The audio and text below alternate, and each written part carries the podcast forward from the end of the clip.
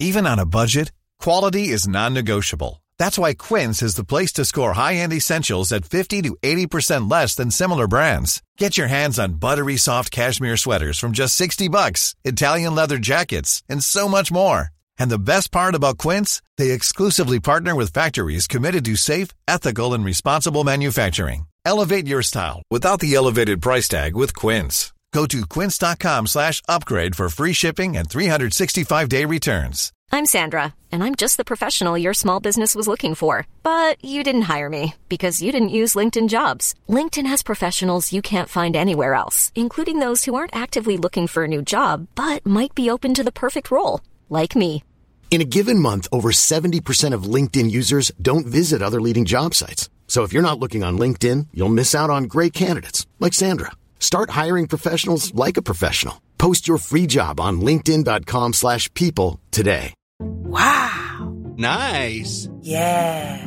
What you're hearing are the sounds of people everywhere putting on Bombas socks, underwear, and t-shirts made from absurdly soft materials that feel like plush clouds.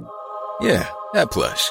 And the best part? For every item you purchase, Bombas donates another to someone facing homelessness. Bombas. Big comfort for everyone. Go to bombas.com slash ACAST and use code ACAST for 20% off your first purchase. That's bombas.com slash ACAST. Code ACAST. Du lyssnar på Nyans. En feministisk true crime-podd som går igenom uppmärksammade rättsfall och ställer sig frågorna Vad har hänt? Hur ser bevisläget ut? Hur resonerade rätten och varför? Hur har debatten efteråt sett ut? Vi följer FUP till domslut, till rubriker, rapportering och reaktioner. Och målet med det här är att ge dig som lyssnare fler nyanser i ett annars väldigt svartvitt debattklimat. Och det ni kommer höra prata om det här är Hanna Bergvall, jurist och expert på den juridiska lingon, Paula Dahlberg som driver kontot Vardagsrasismen och har särskilda skills inom utvecklingspsykologi och retorik.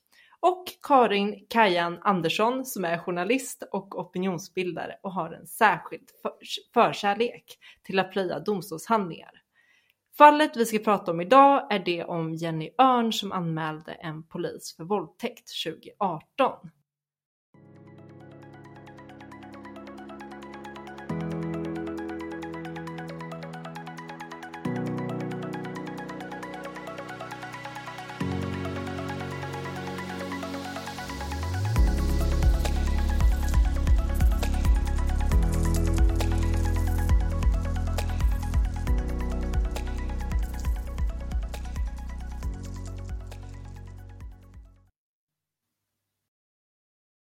Välkomna hörni! Kul att vi spelar in vårt andra avsnitt. Hur mår ni? Woop, woop. Bra tack! Superbra. Jättetaggad. Vi har ju verkligen fått mer smak på det här eh, så galet snabbt känns det som. Ja men verkligen. Det, vi, ja, det har varit en intensiv eh, debatt i vår chatt inför det här avsnittet kan man ju säga. Ja men gud, Ja, det är ju vi kommer ha mycket att säga. Ja men verkligen, det är ju inte något lätt fall som vi valde till den här till den här veckan och andra avsnittet. Herregud vad vi har mycket att gå igenom. Ja, jag känner att jag spenderade väldigt mycket tid med att bara, vad, jag fattar ingenting. Vad har hänt? Va? Va- Det var, det var sån röra liksom. Men jag vet Kajan att du har lagt ner tid och energi på att nysta ut det här, den här stora tovan med det här. Ja, jag har ju det. Sen får vi se hur bra den hårborsten var att nysta med. Eh, för att det, i det här fallet som rör Jenny Örn, då, vi har ju eh, inga domar som... Eh, domarna är ju ofta liksom, har fina formuleringar där allting är sammanfattat på ett väldigt tillgängligt sätt. Det har ju inte vi här och vi har heller ingen fullständig eh, FUP. Så att eh, man har ju fått sitt, och däremot en, en liksom uppsjö med artiklar och inlägg och trådar och eh, hit och dit. Så att det har ju verkligen varit ett nystande alltså. Så att vi får ju se hur, eh, hur begripligt det blir, men vi ska väl försöka vårt bästa. Ett matigt avsnitt kan vi säga att detta kommer Ja, bli. så det, ni, får, ni får hålla i er här och eh, lyssna noggrant. Vi kör igång! Ja.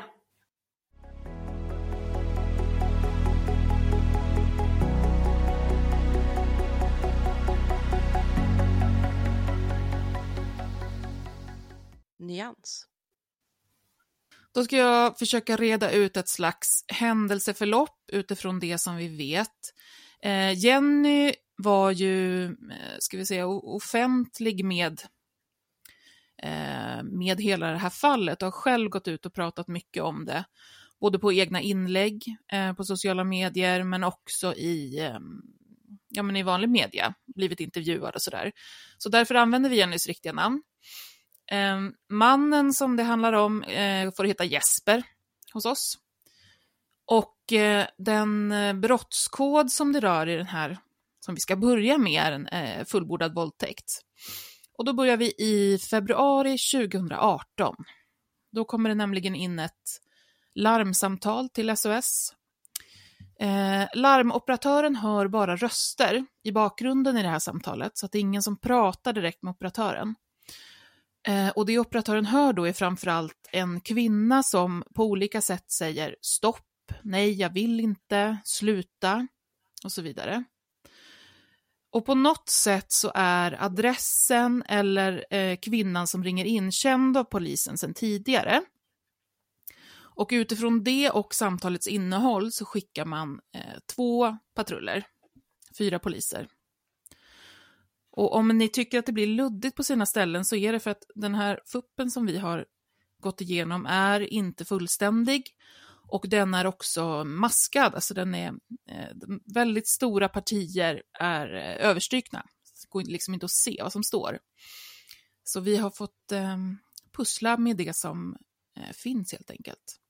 Men polis åker till platsen och när de ringer på dörren så öppnar en man, Jesper. Och det blir snabbt tydligt eh, när han öppnar dörren att några av poliserna känner den här mannen som kollega. Han är alltså också polis. Man söker igenom lägenheten och det finns inga andra personer än Jenny och Jesper där. Jenny befinner sig i sovrummet. Hon uttrycker för polisen att ingen kommer att tro på henne, på det hon har att berätta, eftersom Jesper är polis själv. Men hon berättar ändå att hon har blivit utsatt för en våldtäkt. Jesper tas åt sidan i trapphuset av polis och på vägen ner för trappan eh, säger Jesper att nu blir jag säkert anmäld för våldtäkt. Och han i sin tur spelar upp eh, ett, eventuellt ett, det finns två videoklipp, eh, men han spelar i alla fall upp ett videoklipp från sin telefon som han själv har spelat in. Och på det så hörs en kvinna i bakgrunden, citat, som om hon satt inne på toaletten och Jesper stod utanför. Eh, och det här andra videoklippet som också fanns, som Jesper har spelat in, är från sovrummet. Eh, mer om innehållet i de videofilmerna vet vi inte.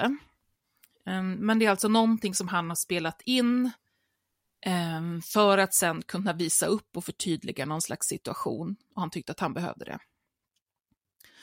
Eftersom det är poliser som känner Jesper på plats så tillkallar man yttre befäl och även avlösning så att ingen jävsituation ska uppstå.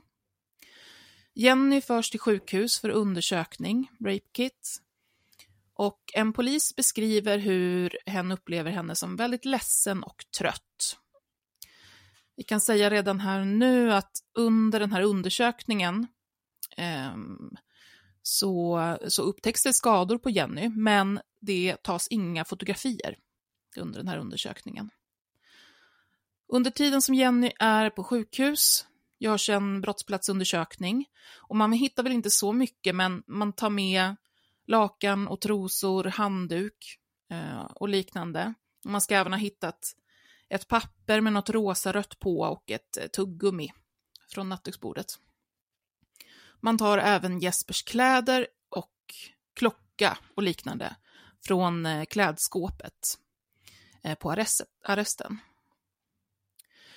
Eh, det Jenny berättar för polisen då är att hon har träffat Jesper på krogen. Hon var ute med kompisar och träffade honom. Han var tillsammans med andra poliser på någon slags AV eller liknande.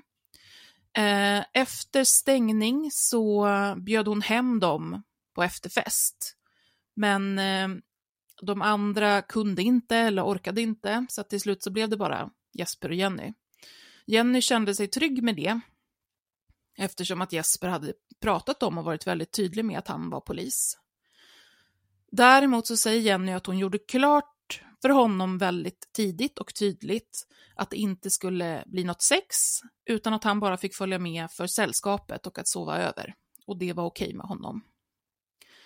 Hemma tar de en drink i soffan och går sen och lägger sig för att sova. Sen efter det är i princip allting maskat i handlingarna. Eh, så vi vet helt enkelt inte hur den utsagan ser ut eller vad det är som Jenny berättar i detalj. Men det som går att utröna är att Jenny berättar om ett sexuellt övergrepp och även eh, kraftigt fysiskt våld i form av bland annat slag mot ansiktet. Det här ärendet tas över av särskilda utredningar i Stockholm och eh, chefsåklagare Elisabeth Brandt på särskilda åklamar, åk, åklagarkammaren. Heter det. Och jag gissar, Hanna du får rätta mig om jag har fel, men särskilda utredningar handlar väl om, eller de får hoppa in för att det, det rör en, en kollega, en polis helt enkelt. Precis, precis. Eh, man, tanken är att poliser inte ska utreda sina kollegor för att det blir ju såklart en jävsituation. Så därför så har man en, en egen grupp eh, när sånt händer. Um, så de hoppar in och tar över den utredningen, men sista maj 2018 så fattar chefsåklagaren beslut om att lägga ner förundersökningen och överåklagaren delar hennes uppfattning. Man skriver i det beslutet bland annat så här. Ett stort antal utredningsåtgärder har vidtagits i ärendet. Bland annat har brottsplatsundersökning genomförts av den aktuella platsen för händelsen.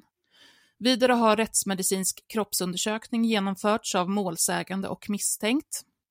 Sakkunnigutlåtande från NFC avseende biologiska spår har inhämtats samt ett stort antal personer har hörts. Det kan konstateras att det finns två med varandra oförenliga versioner av vad som hände vid tillfället. I avsaknad av tillräcklig stödbevisning kan därför en fällande dom inte förväntas. Ytterligare utredningsåtgärder kan inte förväntas leda till att brott kommer att kunna styrkas. Förundersökningen läggs därför ner. Så åklagaren menar här alltså att det var en situation där ord stod mot ord och att det inte fanns tillräckligt med stödbevisning för att styrka Jennys version. Eh, det här kan man ju ha olika åsikter om, men så ser rättsprocessen ut. Ehm, sen ska, kommer vi gå in mer på den här stödbevisningen och om, om den faktiskt kan anses vara tillräcklig eller inte. Men det är ju liksom, Hanna, förklarar du med åklagarens uppdrag. Eh, förlåt, säg igen Kajan. Nej men att, att åklagarens uppdrag är att man kan liksom inte väcka åtal bara för, att man, bara för att man vill det, utan åklagaren väcker ju bara åtal om Precis, alltså åklagaren har ju en skyldighet att väcka åtal om åklagaren tror att det kommer kunna bli en fällande dom och på samma sätt tror de att det inte kan bli en fällande dom för att det saknas bevisning så får man inte väcka åtal. Och tanken med det här är ju att det inte ska bli godtyckligt när och när man inte väcker åtal, utan finns det tillräckligt med bevisning, då ska man göra det. Och är det så att, och i det här fallet så säger ju åklagaren att nej, jag, jag, tror inte jag kan få en fällande dom, så då, då väcker jag inte åtal. Nej, det skulle inte bli riktigt hållbart heller att ha så många eh, förhandlingar i, i, i, fall som, som har för dålig bevisning, liksom, som inte har en nej, chans. Precis. Nej, precis. Det är ju inte så effektivt. Alltså, jag tänker på resurs, resurserna i samhället så är inte det så effektivt att göra på det sättet. Men också det att man vill ju inte riskera att någon döms eh, felaktigt. Så.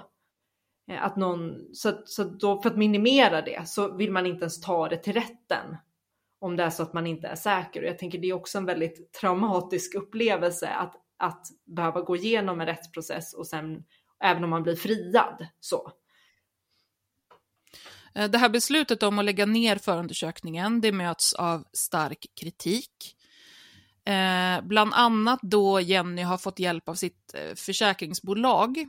Som, försäkringsbolagen har ju själva utredare som när de tycker att det behövs eh, går in och gör en utredning. Det är inte sällan gamla poliser som, som sitter som utredare och så var fallet här också. Och de kommer fram till en helt annan slutsats än åklagaren, nämligen att det visst fanns tillräcklig bevisning för åtal. Och att eh, förundersökningen tycker de har gjorts med partiskt uppsåt.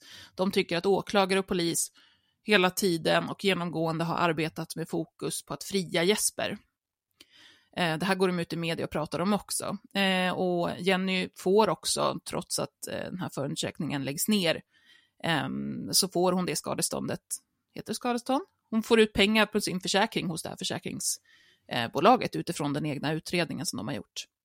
Men chefsåklagaren Elisabeth Brandt står fast vid sitt beslut och hänvisar framför allt till det som framkommer eh, i de stora delarna av uppgifterna, som, alltså i, så här, hon, när hon berättigar sitt beslut så säger hon att ja, men alla de här uppgifterna i förundersökningsprotokollen som är sekretessbelagda, eh, har man läst dem så förstår man varför jag har lagt ner.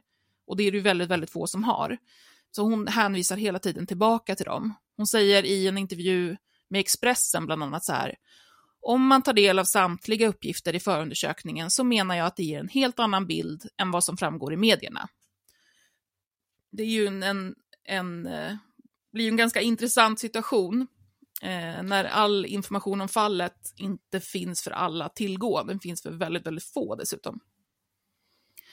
Jennys målsägande beträde, Maria Wilhelmsson, är också hon förstås starkt kritisk kring hur det hela har hanterats. I en artikel i Aftonbladet eh, beskrivs hur Jenny och hennes målsägarbiträde fått veta att det skulle bli Eh, en häktningsförhandling under nästa dag. Säg att det var en tisdag, då fick de veta att det skulle bli en häktningsförhandling på onsdagen.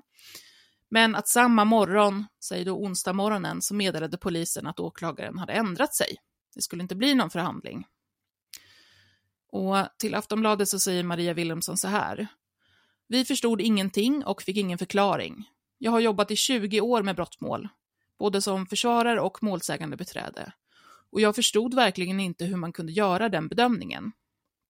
Jag har varit med om att människor blivit häktade på betydligt mindre bevisning än vad som finns här.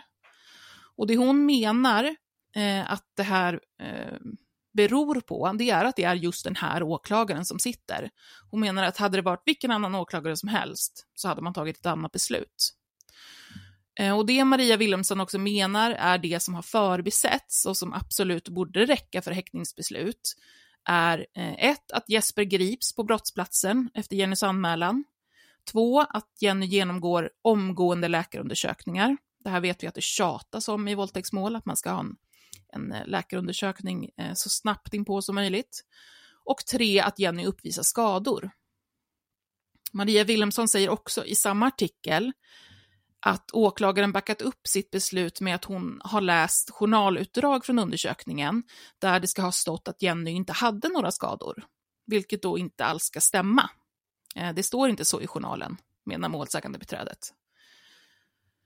Och här någonstans skulle man kunna tro att den här soppan tar slut, men den gör absolut inte det. I november 2018, några månader efter alltså, så delges eh, Jenny misstanke för ringa narkotikabrott. Då man ska ha hittat spår av kokain i de prover som man tog på henne när hon undersöktes, den här rape kit-undersökningen. Eh, Jenny förnekar bestämt narkotikabrott och säger att den enda förklaringen till att hon har eh, kokain i blodet måste vara att hon har blivit drogad av Jesper. I det här förhöret med henne så eh, det är inte maskat eh, i samma sätt som i, i det andra målet, så det framkommer ju lite mer uppgifter. Eh, bland annat så säger hon, hon berättar om den här kvällen igen, hon säger att Jesper betett sig väldigt märkligt på klubben. Han har upprepat sig och bland annat sagt saker om sitt jobb, som vilka de har haft span på, och att de brukar eh, plantera bevis för att kunna sätta dit vissa personer. Jenny säger också att han betedde sig på ett sådant sätt som gjort att hon i efterhand tänkt att han måste ha varit påverkad av något. Det blir en uppmärksammad huvudförhandling för ringa narkotikabrott med Jenny som tilltalad 14 februari 2019. Um, ehm, Under den så är genomgången av journalkopian eh, för undersökningstillfället, det sker inom stängda dörrar, men annars är förhandlingen offentlig. Och sen står det så här att läsa. Försvaret gör gällande att datum för provtagning var den 18 februari 2018, då det framgår av anteckningarna i journalkopian att blodprov togs vid besök detta datum. Åklagaren gör gällande att datum för provtagning var den 19 februari 2018, då detta framgår av analysresultatet. Åklagaren anför att med hänsyn till vad som framkommit i utredningen föreligger det hinder mot att hålla huvudförhandlingen eftersom förundersökningen behöver kompletteras. Det man säger här är alltså att det här blodprovet som, som hela mm, alltet handlar om är eh, felmärkt. Försvaret säger att det är ett datum, åklagaren säger att det är ett annat datum. Och det här måste man ju reda ut innan man kan hålla en, en huvudförhandling. Eh, så det stoppas. Tingsrätten meddelar att huvudförhandlingen ställs in eh, för att åklagaren ska komplettera förundersökningen. Och 14 mars så kommer en underrättelse om beslut från åklagarkammaren. Åtalet läggs ner. Det förekommer inte längre tillräckliga skäl för åtal mot den misstänkte. Eh, så det blev inte mer av det helt enkelt. Och sen jag har massa andra saker att säga, men det är mycket tyckande. Så jag tänker att eh, Hanna, du kan väl fylla på. Ja.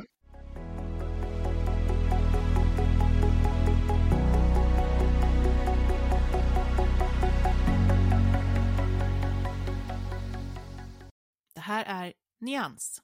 Ja, jag, jag skuttar in här. Jag tänkte bara säga angående just det här eh, åtalet om ringa narkotikabrott som lades ner.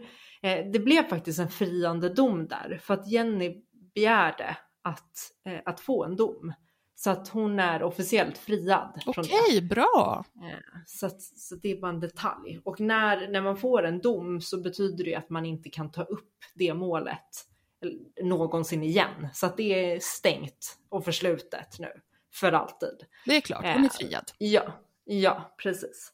Så att det, det är ju bra. Men den stora frågan här, och det här har jag tänkt på sedan 2018 när jag var på plats eh, under den här rättegången eh, om ringa narkotikabrott är hur, hur kan det komma sig att man, man anmäler en våldtäkt, tar prover och sen blir man själv polisanmäld för det som kommer fram i de här proverna. Vad, liksom, hur kan det bli så här och vad, vad får det för konsekvenser? Och då finns det väldigt mycket, väldigt många olika perspektiv på det här kan man ju säga. Anledningen till att det här inte tas upp eh, oftare eller har lyfts fram är ju för att det antagligen inte ses som ett problem eftersom att jag har aldrig hört talas om det här innan och jag tror inte någon annan har det heller. Eh, men det är ju uppenbarligen ett problem, ser vi nu. Eh, så. Men, men jag tror att det är anledningen till att inte det här har uppmärksammats tidigare, för att det här inte är, det här är ingenting som händer, om man säger så. Det här är extremt unikt. I alla fall vad jag har kunnat hitta. Så. Så att även det kanske är fel att använda ordet problem, för det är klart att det är problem, men, men det, är inte, det här är inte så här, det här är inte någonting som händer. Nej. Eh, liksom, typ någonsin. Så att jag vill inte att någon ska vara rädd för att anmäla för att då att man är rädd att man själv eh, ska bli åtalad. Det, men det, måste, det måste ju vara situationer som händer jättemånga gånger med, med bara, säg misshandel. Ja. Att det finns ja. narkotika i blodet på, på den som blir utsatt för våld. Det ju, kan inte vara ja, något ovanligt alltså, alls. Nej, nej men precis. Så att jag tänker att jag vill liksom inte skrämma upp folk i onödan. Det är väl egentligen det jag försöker säga på ett väldigt invecklat sätt. Eh, så. Och sen, och sen tänker jag så här, men varför då? Varför åtalades hon för det är inga narkotikabrott överhuvudtaget? Och det, det man kan säga om det är väl att åklagaren kan inte liksom fritt välja när man ska åtala och inte. Och det var ju det vi var inne på lite innan, att ha, tror man att man kan få en fällande dom och det det finns bevisning och så, då är man skyldig att åtala. Eh, och det har att göra med att man inte vill ha godtycklighet och att det är liksom hur, hur åklagaren själv tycker i frågor. Så, så här. För jag menar, vem som helst som ser det här skulle ju känna att nej, men det här, är ju, det här kan man inte åtala för, det är ju inget bra. Eh, så. Eh, ja, men sen, eh, så, så det är ju det, det, är väldigt svårförklarligt egentligen. Så, jag, jag, kan inte, jag har inget liksom bra, en bra förklaring annat än det, varför det blev som det blev. Det känns ju också som att det blir extra eh, uppseendeväckande eftersom att det här våldtäktsmålet eh, inte leddes fram till en dom, liksom, utan att förundersökningen lades ner. Eh, man får ju då känslan liksom av att okej, okay, här har inte lagts tillräckligt med resurser på att reda ut det där.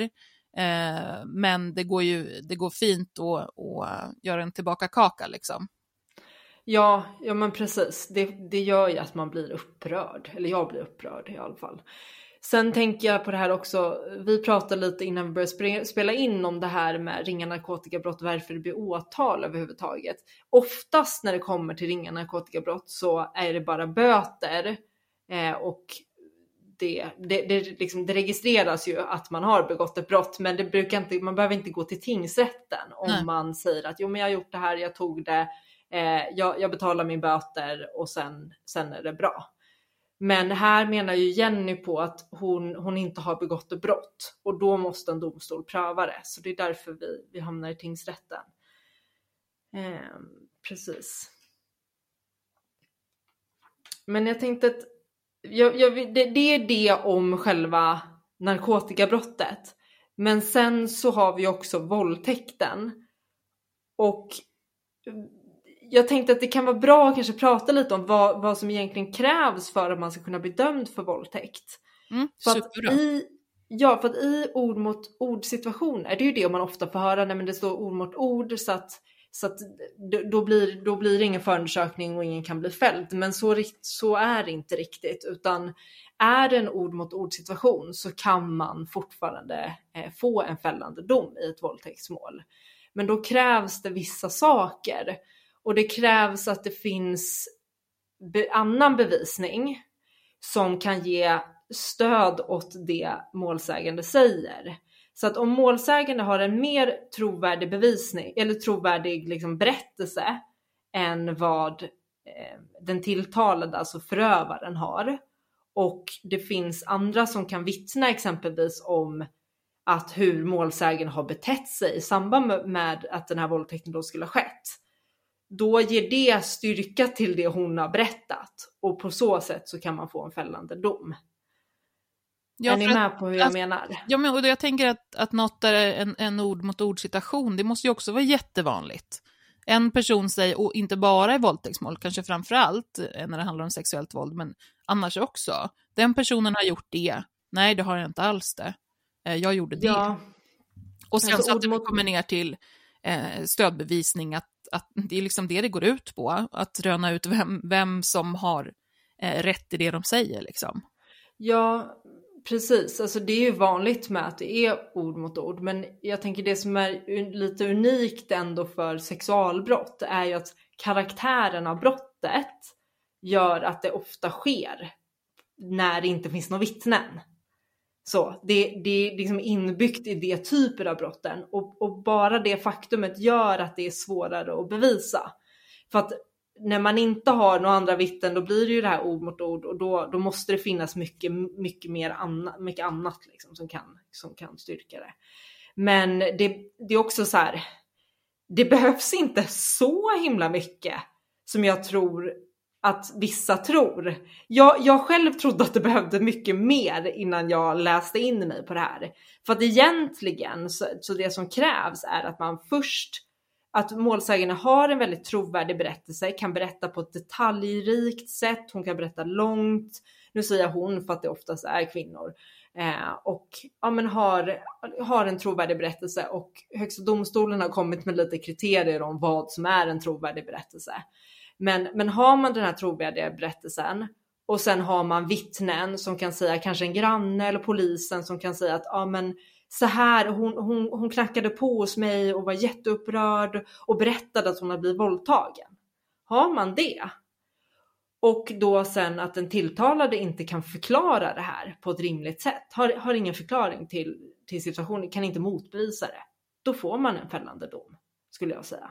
Men det är väldigt svårt för oss, tycker jag, att, att eh, liksom, granska den här bevisningen eftersom att vi inte har sett den egentligen. Nej. Så. Och det är, vi, har, vi, har liksom, vi har pusselbitar till det här och man kan ju konstatera att det känns som att allt inte står rätt till.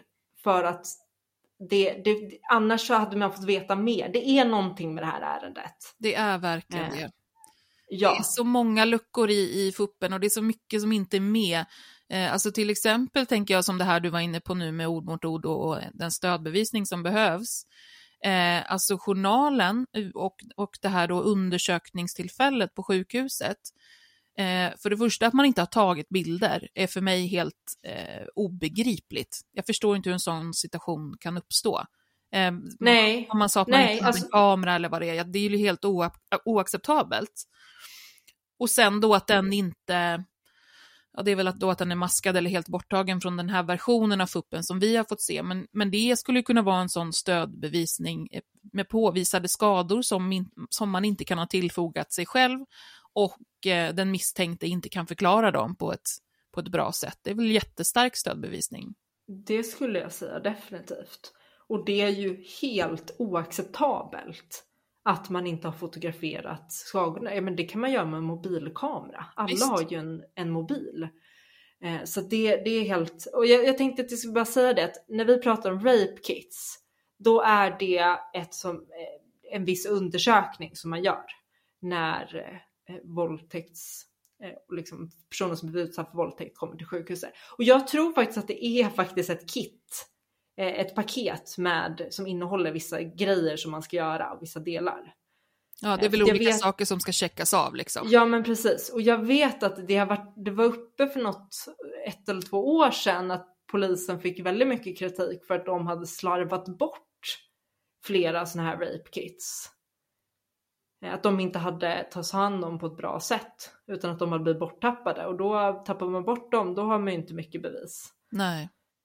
Och det är Eh, också så- någonting med den här, med den här undersökningen, alltså, för att även om, om den inte fanns tillgänglig alls för oss i den versionen av fuppen som vi har fått tag på, eh, och där också väldigt mycket är maskat, eh, så att, att Jenny och hennes målsägarbiträde kan liksom eh, själva säga tydligt vilka, att där, det fanns tydliga skador där som togs upp i journalen.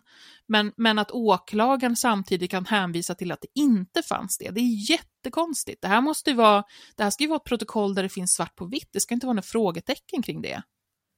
Nej, jag håller med. Och jag tänker att det blir eh, särskilt liksom allvarligt att eh, Jenny och hennes målsägandebiträde inte fick ta del av stora delar av förundersökningsprotokollet. För att de har ju ingen möjlighet att bevisa sin sak om de inte vet vad som sägs. Vad är det de måste kunna bevisa? Mm. Eh, så det, det, blir, ja, det blir en väldigt, väldigt svår situation och så, så ska det inte gå till. Sen, men jag tänkte bara som en liten positiv grej i den här sörjan är att eftersom den här förundersökningen lades ner och det hann inte bli friad för det här brottet så kan det finnas en möjlighet att man tar upp det igen. Så om det finns, om det kommer upp nya saker så kan man öppna upp förundersökningen igen. Vem är det som beslutar om det då? då? Eller vem kan yrka på det? Ja, jag tänker att det är i så fall åklagaren som kommer få öppna upp den igen. Mm. Så om, Men kanske att Jenny som ombud kan yrka på det. Ja, alltså den nya, nya information kan ju komma lite från andra, olika håll. Så. Ja, får se då. Ja, man hoppas ju att det, och om inte annat så känner man ju att man skulle vilja att eh, JO tittade på det här. För att det, som bara det där med att man inte tog bilder, det är ju någonting som man tycker att JO borde kunna anmärka på. Ja. Och att det finns sån omfattande kritik mot, eh, mot åklagaren, är, i, inte bara i det här fallet ska vi säga, eh, utan i, i många andra fall också. Jag är så jäkla sugen på, för det här, det här fallet, det var ju liksom ett ehm, eh, kaninhål att dyka ner i bara med de här mm, handlingarna som jag suttit och kollat på. Men alltså, nästan en minst lika stor del utspelade sig ju eh, på sociala medier och eh, i artiklar och trådar och eh, Flashback och hit och dit. Eh, så det måste vi också prata om, eller hur Paula?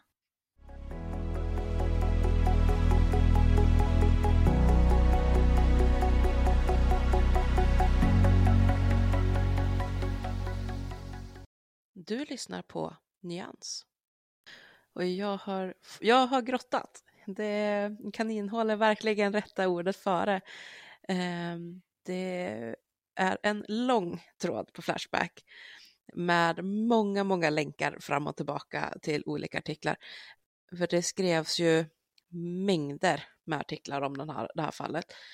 Ehm, både när, ja men först när anmälan hade kommit in så skrevs artiklar om det. Planning for your next trip?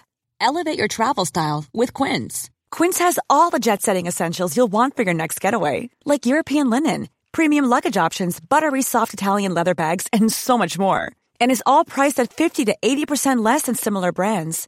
Plus, Quince only works with factories that use safe and ethical manufacturing practices.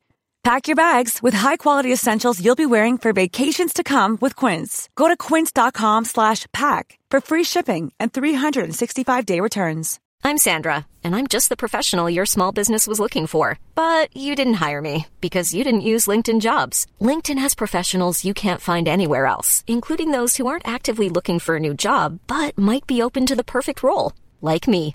In a given month, over 70% of LinkedIn users don't visit other leading job sites. So if you're not looking on LinkedIn, you'll miss out on great candidates like Sandra. Start hiring professionals like a professional. Post your free job on linkedin.com/people today. För att det ju är stort att en polis blir anmäld för våldtäkt på det här sättet. Sen skrevs artiklar om att utredningen lades ner och artiklar om att det hade överklagats och artiklar om att det fortfarande inte skulle bli någonting och sen såklart artiklar kring att hon själv då, Jenny, blev åtalad då för narkotikabrottet här då och eh, många funderingar kring vad det skulle kunna få för effekter ifall hon nu faktiskt hade blivit dömd. Ehm, eh, men i, i och med att alltså som, som vi har sagt flera gånger här nu, att fuppen är eh, så extremt maskad. Och för att få lite perspektiv så de polisen har alltså bara lämnat ut ungefär halva förundersökningen. Och utav den halvan de har lämnat ut så är jättemycket överstrycket så att man inte kan läsa. Och de eh, hävdar polisen att detta har gjorts för att vara då till eh, stöd för eh, brottsoffret, att det skulle vara i, i Jennys bästa som man inte lämnar ut den här, mer av den här informationen. Eh, vilket inte då förklarar varför Jenny själv inte kunde få ut mer information heller. Det är det som är det, det riktigt märkliga här. Och att och så varit... brukar det ju aldrig se ut. I, det finns ju jättemånga eh, fall ja. med sexuellt våld. Det borde ju vara samma sak alltså, där. Vi kan ju jämf... Precis, vi kan ju jämföra med, med domarna vi läste eh, i förra avsnittet. Eh, som, som ändå lämnar, även om själva förundersökningen är sekretessbelagd på grund av minderårigt offer, så får man ju ändå ut mycket information ifrån själva domarna. Och det finns inte i närheten av så mycket info i det som har lämnats ut här och då gäller det vuxna personer. Ja. Eh, förundersökningar som gäller minderåriga brukar vara sekretessbelagda just för att det är barn inblandade. Men men det har varit många, många turer. Bland annat så hävdade polisen ett tag att eh, det här SOS-alarmet inte skulle ha blivit inspelat, att det inte eh, fanns tillgängligt. Men eh, efter en del rotande från, från Jenny, och det här vet jag inte om det har stått om i media, men det var vad hon sa till mig när jag hade kontakt med henne där under 2018. Eh, så hade hon fått ut filen till sist och att det visst fanns inspelat och sen kom ju det ut i media också att hon delgav det till bland annat Expressen tror jag det var som hade ljudfilen då spelade upp den, delar av den i alla fall. Eh, och att, ja, som sagt att man hör då verkligen att hon säger nej, sluta, jag vill inte. Eh, och en mansröst i bakgrunden som inte går att höra vad han säger, men det hörs att det är en man i bakgrunden. Eh, och eh, ja, att den här filen försvann och sen dök upp igen, det skapar ju sina spekulationer. Men det är också det här i och med att det blir delar som publiceras för att det är lite för långt för att publicera hela så blir det ju också mycket spekulationer kring det. Så det, det, har varit många diskussioner jag har hittat där man då dividerar fram och tillbaka. Hör man verkligen en mansröst? Eh, skriker, alltså, eller pratar hon tillräckligt högt för att det ska låta som att hon har panik? Eh, eller låter hon för lugn? Alltså man läser in väldigt mycket själv, eh, olika personer då, i, i det här samtalet, vad man tycker sig höra och inte höra. Eh, det är också mycket spekulationer att storyn inte skulle kunna gå ihop, för hur kan hon ringa mitt under en våldtäkt? Vilket hon sen har förklarat i, i intervju med eh, kvinnotryck, bland annat. Att hon ju har eh, en iPhone och helt enkelt bara behövde få tag i telefonen och kunna hålla inne sidoknappen så ringdes det automatiskt 112. Eh, och idag har ju nästan alla telefoner någon sån här typ av funktion att man kan trycka på på knappen eller eh, sidoknappen eller liknande på, på vissa sätt så rings det automatiskt 112. Så att man behöver inte kunna få upp telefonen och faktiskt titta på knappsatsen och trycka rätt. Um, och det var så hon menade då att det hade gått till um, när hon fick iväg det här samtalet. Och att det också förklarar varför hon inte pratar när, alltså med någon när, när det ringer upp. Um, alltså hon svarar inte på tilltal ifrån operatören utan det är bara ljud. Ehm, så.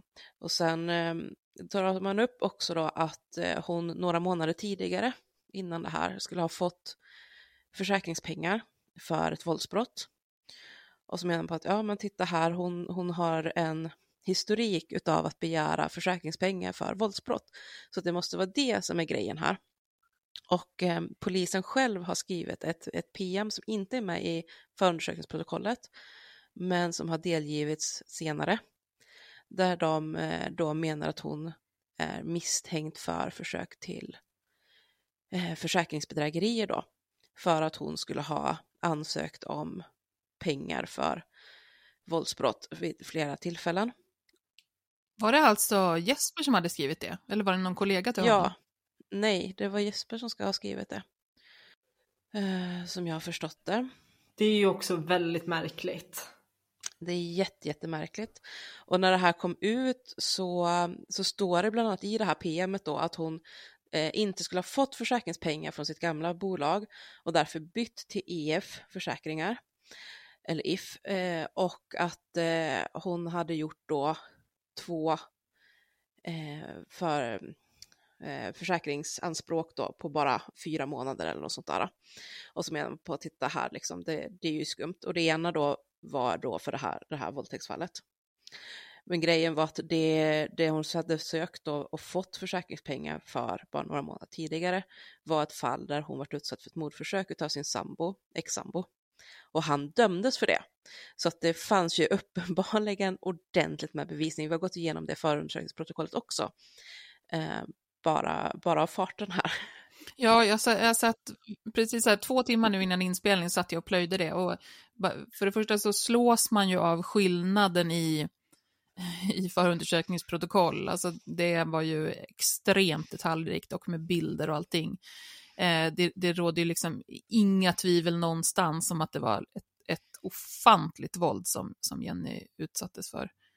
Eh, men det är ju också, alltså, det, man kommer in på sådana här eh, Ehm, förklaringar som att man ska skydda eh, brottsoffer, vilket, eh, vilket blaj det är, för det ser ju så otroligt olika ut.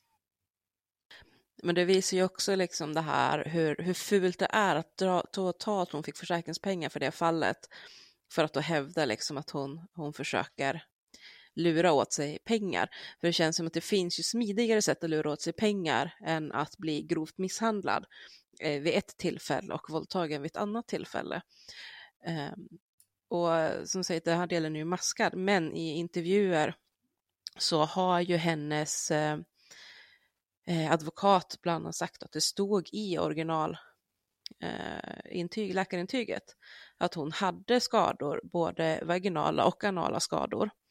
Och i en av de ursprungliga eh, vittnesmålen från, från poliserna som kom först på plats så finns det också uppgifter om att hon då skulle blöda eh, från, från framförallt analen då, eh, när de kommer på platsen och att hon är uppenbart liksom skadad.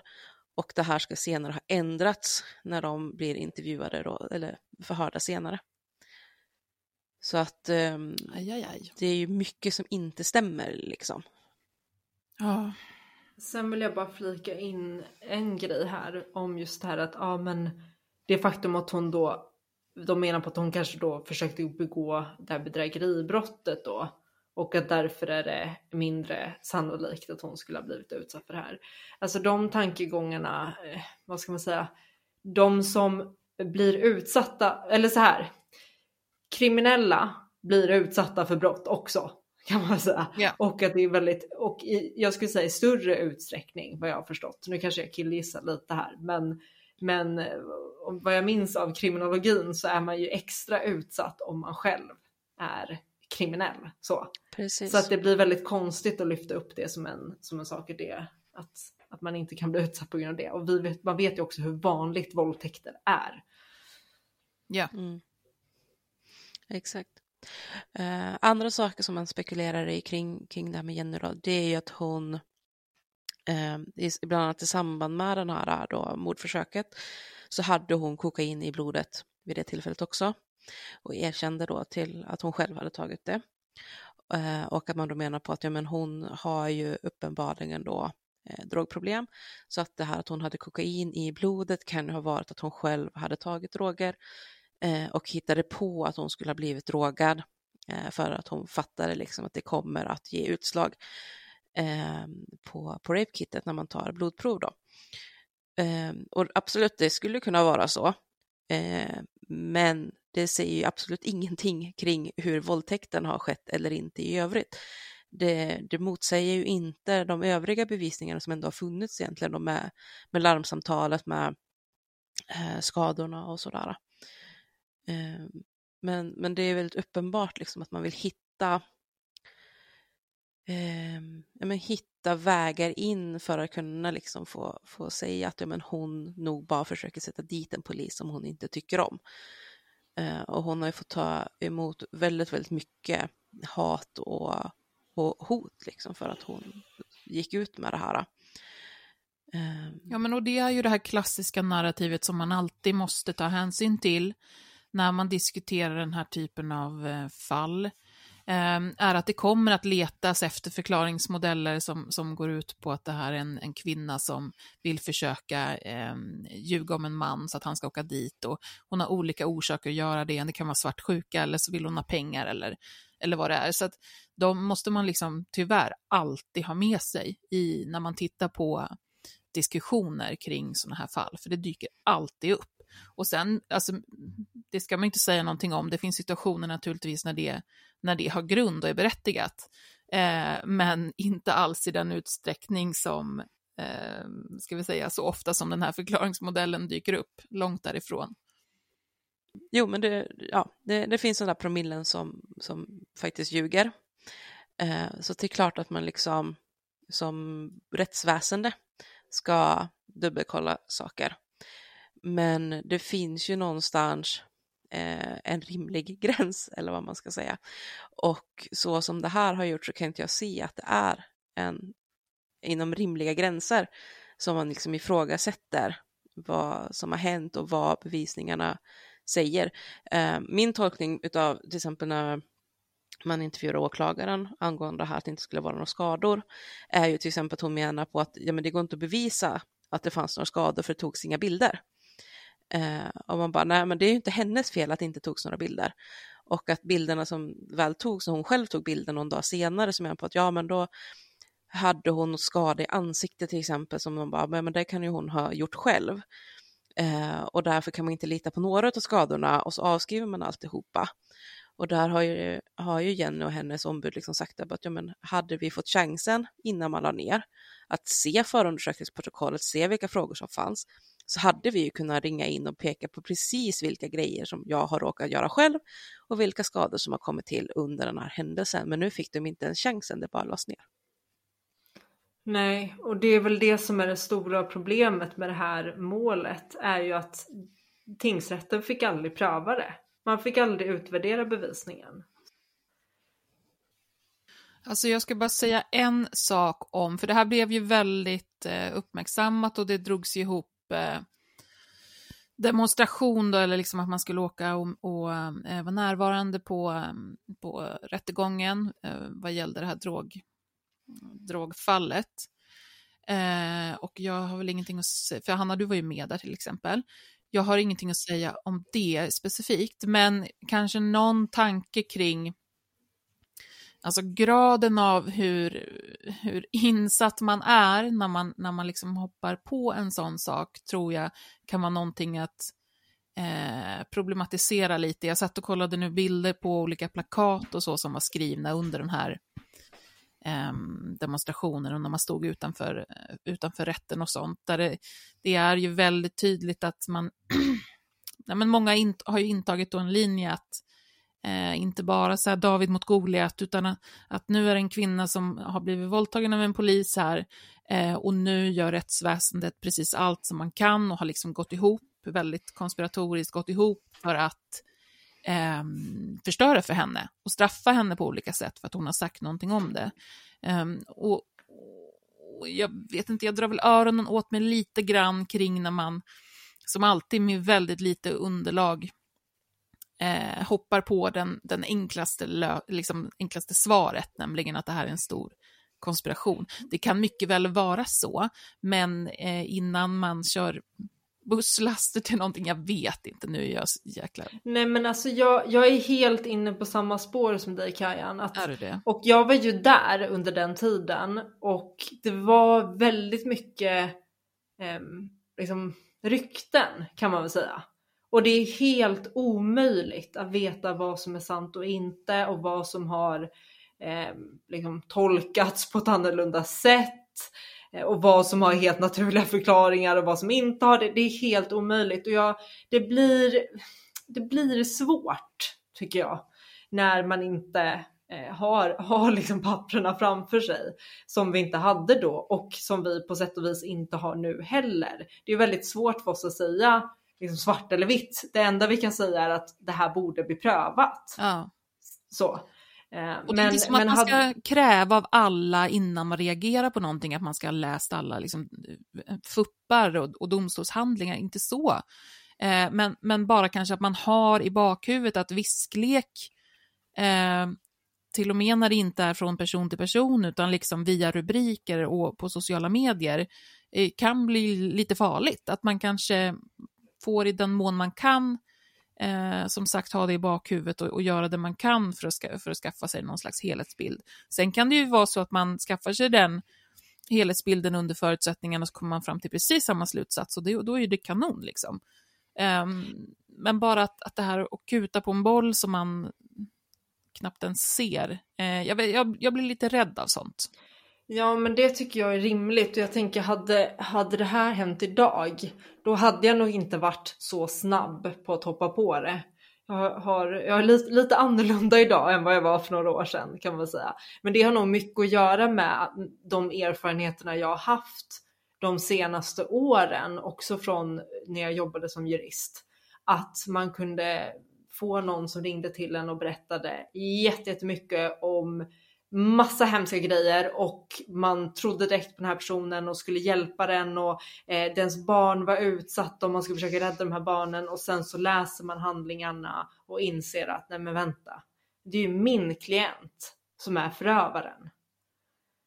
Och när man har haft ganska många sådana upplevelser så blir man mycket mer försiktig med att bara tro på vad folk säger. Eh, jag kommer också ihåg under gardet-tiden hade vi en, en person som ringde till oss och eh, där jag verkligen hoppade på det tåget. Hon ringde och berättade just om att hennes barn hade blivit kidnappade och att de hade blivit liksom, ja, allting. Eh, så. Och sen och jag verkligen stod på slo, stora trumman och fick alla handlingar, letade upp allting och bara började läsa och bara nej men, nej men det här, det här är helt, helt bakvänt. Eh, så. Ja, och det är ju, alltså helhetsbilden har många olika perspektiv och många olika sidor. Och det behöver inte betyda att någon, är, att någon står och blåljuger, utan att det är just olika, olika upplevelser och olika och, och saker man utelämnar när man återberättar Men jag, för jag har ju precis samma liksom känsla som du, att så många gånger som man har läst en rubrik eller man har läst ett eh, alarmistiskt inlägg och bara känt alla de här känslorna, fan så här får det ju inte gå till. Och sen så då eh, tar på sig tråkhatten liksom och sitter och, och begär ut eh, handlingar och sitter och går igenom och så bara okej, okay. nej men, eh, ja, men det finns ju definitivt saker här som är klandervärda, men eh, så här tillspetsat var det ju långt ifrån inte. Nej, och jag, jag, kan tycka att det blir lite problematiskt när man då får slängt på sig att nej men du, du tror inte på kvinnor. Du tror inte ja. på... Och det, det, så här, nej, nej, jag tror inte på någon skulle jag säga. Nej. Eh, och den, den inställningen kommer jag fortsätta ha. Det kanske låter jättehemskt men, men eh, jag... Men det är ju mer att, att inte lita blint på någon. Nej, nej, nej men precis. Och det har ju att göra med eh, liksom, när man har varit mycket i rättsväsendet så blir man ju så. Precis, att inte lita blint på någon men att lyssna på och lyssna extra på eh, kvinnor eller eh, tillhörande en annan utsatt grupp när de berättar om saker. Alltså jag vet inte riktigt om jag har blivit så mycket klokare. Jo, jag har blivit mycket klokare på det här fallet för att jag tyckte att det var väldigt surrigt förut och jag kom bara ihåg någonting om det här, eh, att det var sånt prat om de här blodproverna. Men, men i mitt minne, och nu vet jag inte om det är mitt minne som har gjort om det eller om det var den här viskleken, så var det ju i princip att de här blodproverna hade bytts ut och det liksom ersatts med någon annan, så det hade liksom vävts till någon helt annan sanning. Um, så att lite, lite klokare på något slags händelseförlopp, men jag hoppas ju verkligen, precis som du var inne på Hanna, att det här eh, tas upp igen. Och det skulle vara väldigt spännande att se hur, hur samtalet, det offentliga samtalet skulle fortlöpa då. Om de liksom skulle ja, jag tänk, säcken. Ja, men precis. Jag, eh, jag ringde ju till polisen idag och gjorde ett, ett till försök med att försöka få ut den här förundersökningsprotokollet. Bra Vi där. får uppdatera eh, i nästa avsnitt om hur det har gått. Hittills eh, har det inte gått jättebra kan man väl säga, men jag har i alla fall skickat iväg en förfrågan och de ska göra en sekretessprövning. Så. Sen har jag lyckats få telefonnummer till den här eh, speciella enheten som eh, tar hand om de här typerna av ärenden när det, gör, eh, när det rör poliser. Så att eh, ja, vi får se vad det, vad det ger. Och nu kom jag på att jag skulle disclaimat eller bett om ursäkt redan från början. Nu spelar ju vi in det här på en kväll och det är påsklov och jag har precis i rummet bredvid mig så sitter ett barn och påsklovspysslar med massa tejp. Det tejpas nog otroligt mycket och jag tror säkert att det hörs då och då när den här tejpen dras ut. Eh, men då får det vara så, för det har jag inte hjärta att eh, avbryta. Det, det får man inte... leva med. Ja. Vi kan leva med tejpen. jag, jag, skulle gärna vilja se vad det här vad det är som skapas sen. Du får skicka ska, bild. Gud, jag ska ge nästa bild. Jag vet att det har någonting att göra med Mumin i alla fall. Mm. Det kan vara lilla Mys hår som måste ha mycket tejp för att hållas uppe. Eller så är det morran. Vi får dela det med följarna också. Ja, garanterat. Det får göra det. Jag ska ta bild här nu ute i köket. Men vad bra. Och sen så tänker jag så här att det kan vara en bra sak att, eh, att säga att är det någonting som vi säger fel, eh, har fått om bakfoten eller någonting sånt, om man upptäcker det så är det väl superbra om man säger till så reder vi ut det i, i nästkommande avsnitt. För att så kan det ju bli. Vi går ju igenom jättemycket, otroligt mycket uppgifter och försöker eh, få ner väldigt komplicerade och långa händelseförlopp på ett eh, begripligt och lyssningsbart sätt. Och då kan det bli att det tappas bort detaljer eller att någonting blandas ihop. Men eh, vi gör vårt bästa för att försöka reda ut det i så fall. Ja, eh, bra att du tog upp det Kajan, verkligen. Om det är någonting ni känner att nej, det här, även när, när jag snackar juridik, eh, jag kan ju också råka säga fel ibland. Eh, så så att då får man jättegärna om man känner att nej men vänta, det här, det här makes no sense. Ja, vi får, vi får utgå ifrån att det kommer bli fel ett antal gånger. Så kan vi bara ja. göra det bästa vi kan för att reda ut det. Eh, ska vi se någonting annat om, om eh, på vårt Instagramkonto eh, så får man jättegärna fortsätta och gå in och tipsa om fall och händelser och fenomen som man skulle vilja att vi tog upp. Vi har ju fått en, en hel del. Då. Vi har en liten lista som vi håller på bygger ihop med sånt vi ska Det kan, ju vara, i. det kan ju vara både äldre fall och nyare fall. Det, allt möjligt. Helst inte Palme känner jag. Nej, nej, nej. Vi skippar Palme. Han har, han har fått... Det har gått igenom väldigt mycket. Det finns en hel e- egen podd om Palmemordet. Man kan eh, lyssna in sig på den ifall man vill veta exakt allt som står i förundersökningen för Ja, men det är bra. Bara hänvisar vi dit direkt så Vi vi. hänvisar dit. Mm. Och eh, man får givetvis gärna gå in och diskutera de olika avsnitten också, allt eftersom vi lägger ut dem, för vi lägger ut ett inlägg om varje avsnitt som man kan hoppa in och diskutera under. Precis, diskutera och ställ frågor om ni vill så fyller vi i det vi, eller förtydligar. Och sök på Nyans podcast på Instagram så hittar ni oss. Just det. Är vi nöjda med det där? Ja, då var det dags för veckans snabba. Yes!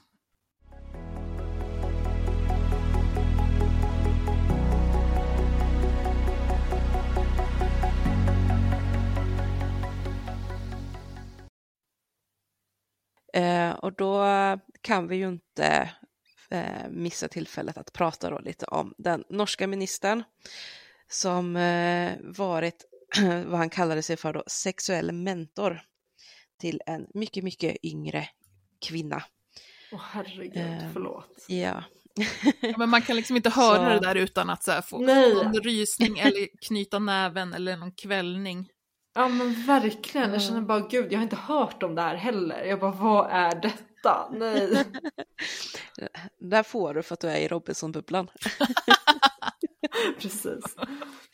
Ja, nej men eh, det, det som är, och jag tycker att det, det vart så bra på något sätt, för det spinner vidare på det vi var inne på i, i förra avsnittet om det här med eh, åldersskillnader och lovliga åldrar och sådär. För tjejen i fråga var 18 när den här relationen inleddes och det varar under några månader. Men eh, ministern i fråga då eh, var då då satt han nog bara i, i norska riksdagen liksom. Om jag kommer ihåg rätt, men eh, har sedan dess då blivit, eller ja, var nu då försvarsminister innan han fick avgå. Och han var ju då i 50-årsåldern när den här relationen inleddes. Alltså blä. Alltså jag, Ja. alltså jag fattar, jag blir så... Oh. Okej, jag får stänga av micken nu känner jag. Eh, så att det, det är ju en 30-års åldersskillnad. Eh, och eh, hon har själv sagt att hon mått dåligt över den här relationen sen, men där och då var lite för liten för att kunna göra så mycket åt det. Så att ja, det, den varar under en viss period och det finns då i sms-konversation eh, att de omtalar honom som hennes sexuella mentor och det är någonting han också då har erkänt sedan. Det som väl ytterligare gör då att det här, eh, den här relationen gör att han blir tvungen att avgå är ju att han var gift vid tillfället också. Fortfarande. Så att eh, eh, Ja, men det som sagt det här med lagligt, för att det är ju inte olagligt att vara tillsammans med någon som är 18. Det är, båda är myndiga och liksom sådär, så det finns ju många som tycker att det där var väl ingenting att bry sig om, hur kan han få sparken för det? Eh, låt vuxna människor göra vad vuxna människor vill. Ja. Och Men absolut, hon var 18. ja, och absolut, det är väl ganska enkelt att säga om vi inte sitter i en, en situation eller i en kontext eh, där män, gärna äldre män, utnyttjar yngre kvinnor och barn, eh, groomar dem, eh, manipulerar dem eh, för eh, sexuellt, eh, ja, men som sexuella byten. Liksom. Det är ju en kontext som existerar och som är högst verklig. Och att i en sån situation då, i en, en sån relation som hon då till och med har sagt att hon mådde väldigt dåligt över den, komma med någon sån där alltså sexuell mentor som att det på något vis skulle berättiga den här, det här gubbäcklets ehm, klor i henne på något vis. Alltså bara ordet sexuell mentor Ja. säger ju allt. Som att han har varit lite snäll då liksom, ska lära Ja. henne sina tricks. Nej, så jävla... Nej fan alltså. Jag, jag är Jag gärna det- sexualmoralist i det här fallet och, och gör kräkljud. Ja. Men jag tänker ju också att just det här att, att kalla det för sexuell mentor ringar ju på något sätt också in hur ojämlik den här relationen är eftersom det inte går riktigt att vara mentor åt någon som man ser sig som ja, men, stående på samma kunskapsmässiga fot så att säga. Utan det, ja, de, de befäster ju själva liksom i smeknamnet där att han är den som är sexuellt erfaren, han som har koll och kunskap och hon är den som inte har koll och kunskap och erfarenhet. Ehm, och det, det är ju som bäddat liksom för att det ska sluta illa. Ja, det är ju han som håller i taktpinnen då. Och han som är lärare och som bestämmer vad som är what goes and what goes not, liksom. Ehm, otroligt. Ja. Ehm, och ehm, ehm, nu är jag på att säga premiärministern, men det är statsministern heter det i Norge. Jag har ju själv sagt det också, att hade han vetat detta eh, i, i förväg så hade ju inte den här eh, snubben då fått jobbet som försvarsminister. Ehm, utan, eh, och det spelar väl också in i att han då fick sparken nu, liksom att han, han har ljugit om det här eller han undanhållit det. Han var som sagt gift och det är med en typ 30 år yngre person som har mått dåligt av relationen. Så att det, det är liksom många fel i ett. Däremot ska sägas, tycker jag det här att man, att man tycker att det är en så stor sak att han var gift och då, då därmed liksom otrogen på något vis. Att det skulle vara en sån himla stor grej, det tycker jag att man kan skita lite i. Eller det blir ju väldigt sekundärt i den här situationen. Håller jag helt med om. Jag tänkte också på det att ehm, det är ju inte relevant, tycker jag i alla fall. Nej, det Nej. är ju mer ett svek mellan han och hans exfru.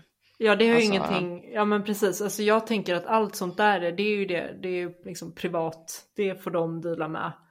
Jag, för min del, jag, jag är helt ointresserad Ja. av vad någon politiker eh, gör med sina relationer så länge man inte skadar någon. Och det är så här, det är ju ett svek mot exfrun om eh, de, de har avtalat, lever ett eh, helt monogam relation och om den här relationen till 18-åringen liksom skulle vara någon slags jämbördig relation, det tycker inte jag riktigt man kan se det som. Jag tycker att han, han är en, en typ av förövare. Liksom. Eh, och då handlar det ju ännu mindre om något slags svek, att han vänsterprasslar, utan han, det här är ju något eh, ganska garanterat, tycker jag, en grooming-situation. Eh, som Definitivt. utnyttjar hennes låga ålder. Så, och sen är det ju naturligtvis, är det så att det är en, alltså oavsett så det, måste det vara fruktansvärt för eh, den frun då, om det var exfrun eller vad det var, eh, naturligtvis också. Men som så här utifrån sett så tycker jag att det är ganska egalt faktiskt. Mm. Ehm, kan jag ju tillägga apropå grooming då, och det här vi pratade om också som sagt i förra avsnittet, att, att man liksom inte pratar om grooming så fort hon börjar bli, bli äldre. Eh, och framförallt då myndig. Men de här skulle alltså träffas en gång i, vid ett ospecificerat tillfälle.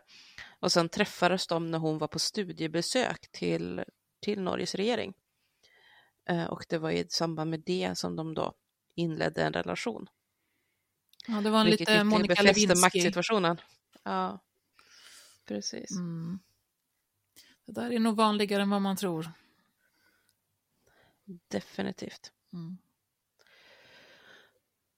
Ja, men det känns som att det här med, det här med, med grooming, alltså jag skulle jättegärna vilja att vi tar något avsnitt och verkligen djupdyker i det, för det finns så vansinnigt mycket, eh, många spår att gå på och mycket som inte är utforskat på något vis kring hur vi pratar om de här situationerna och relationerna. Let's do that. Det får vi skriva upp på listan. Vi skriver upp det. Jag tror Eller till och med att jag har gjort. Ja, Men hörni, med det så tycker väl jag att vi säger, jag ska faktiskt gå och ta och titta på ett litet Robinson-avsnitt tror jag. Åh! Ja. Jag har faktiskt inte sett kvällens avsnitt heller. ja, men då går vi väl och tittar på det så att jag kan ställa frågor till dig under tiden. Ja, Innan- jag lär ju få puls. Jag känner det bara tanken. Jag blir helt svettig. Ja, men det är bra. Jag kan peppra dig med lite runt om frågor om kokos och sånt där. Så Ja. att du... Jag såg bara en stor bild på så här TV4, Robinsons TV4-sida på Instagram att jag är sugen på wienerbröd. Så citat bara, eh, jag skulle kunna döda för ett wienerbröd. Och jag kände bara, ja men så känner jag varje dag. Typ. Så det är inte specifikt för den situationen. värld. Ja. Men tack snälla ni som har eh, lyssnat på det här andra avsnittet av Nyans. Vi hoppas att ni är med oss även nästa gång och att ni hittar in till våran eh, Instagram och är med i diskussioner och tipsar oss så att vi kan göra fler och bättre avsnitt framöver. Och tipsa era vänner. Tipsa alla, även era Tipsa ovänner. Ja. tack för idag, puss och kram. Tack Paula, tack Hanna. Hejdå! Tack, hej.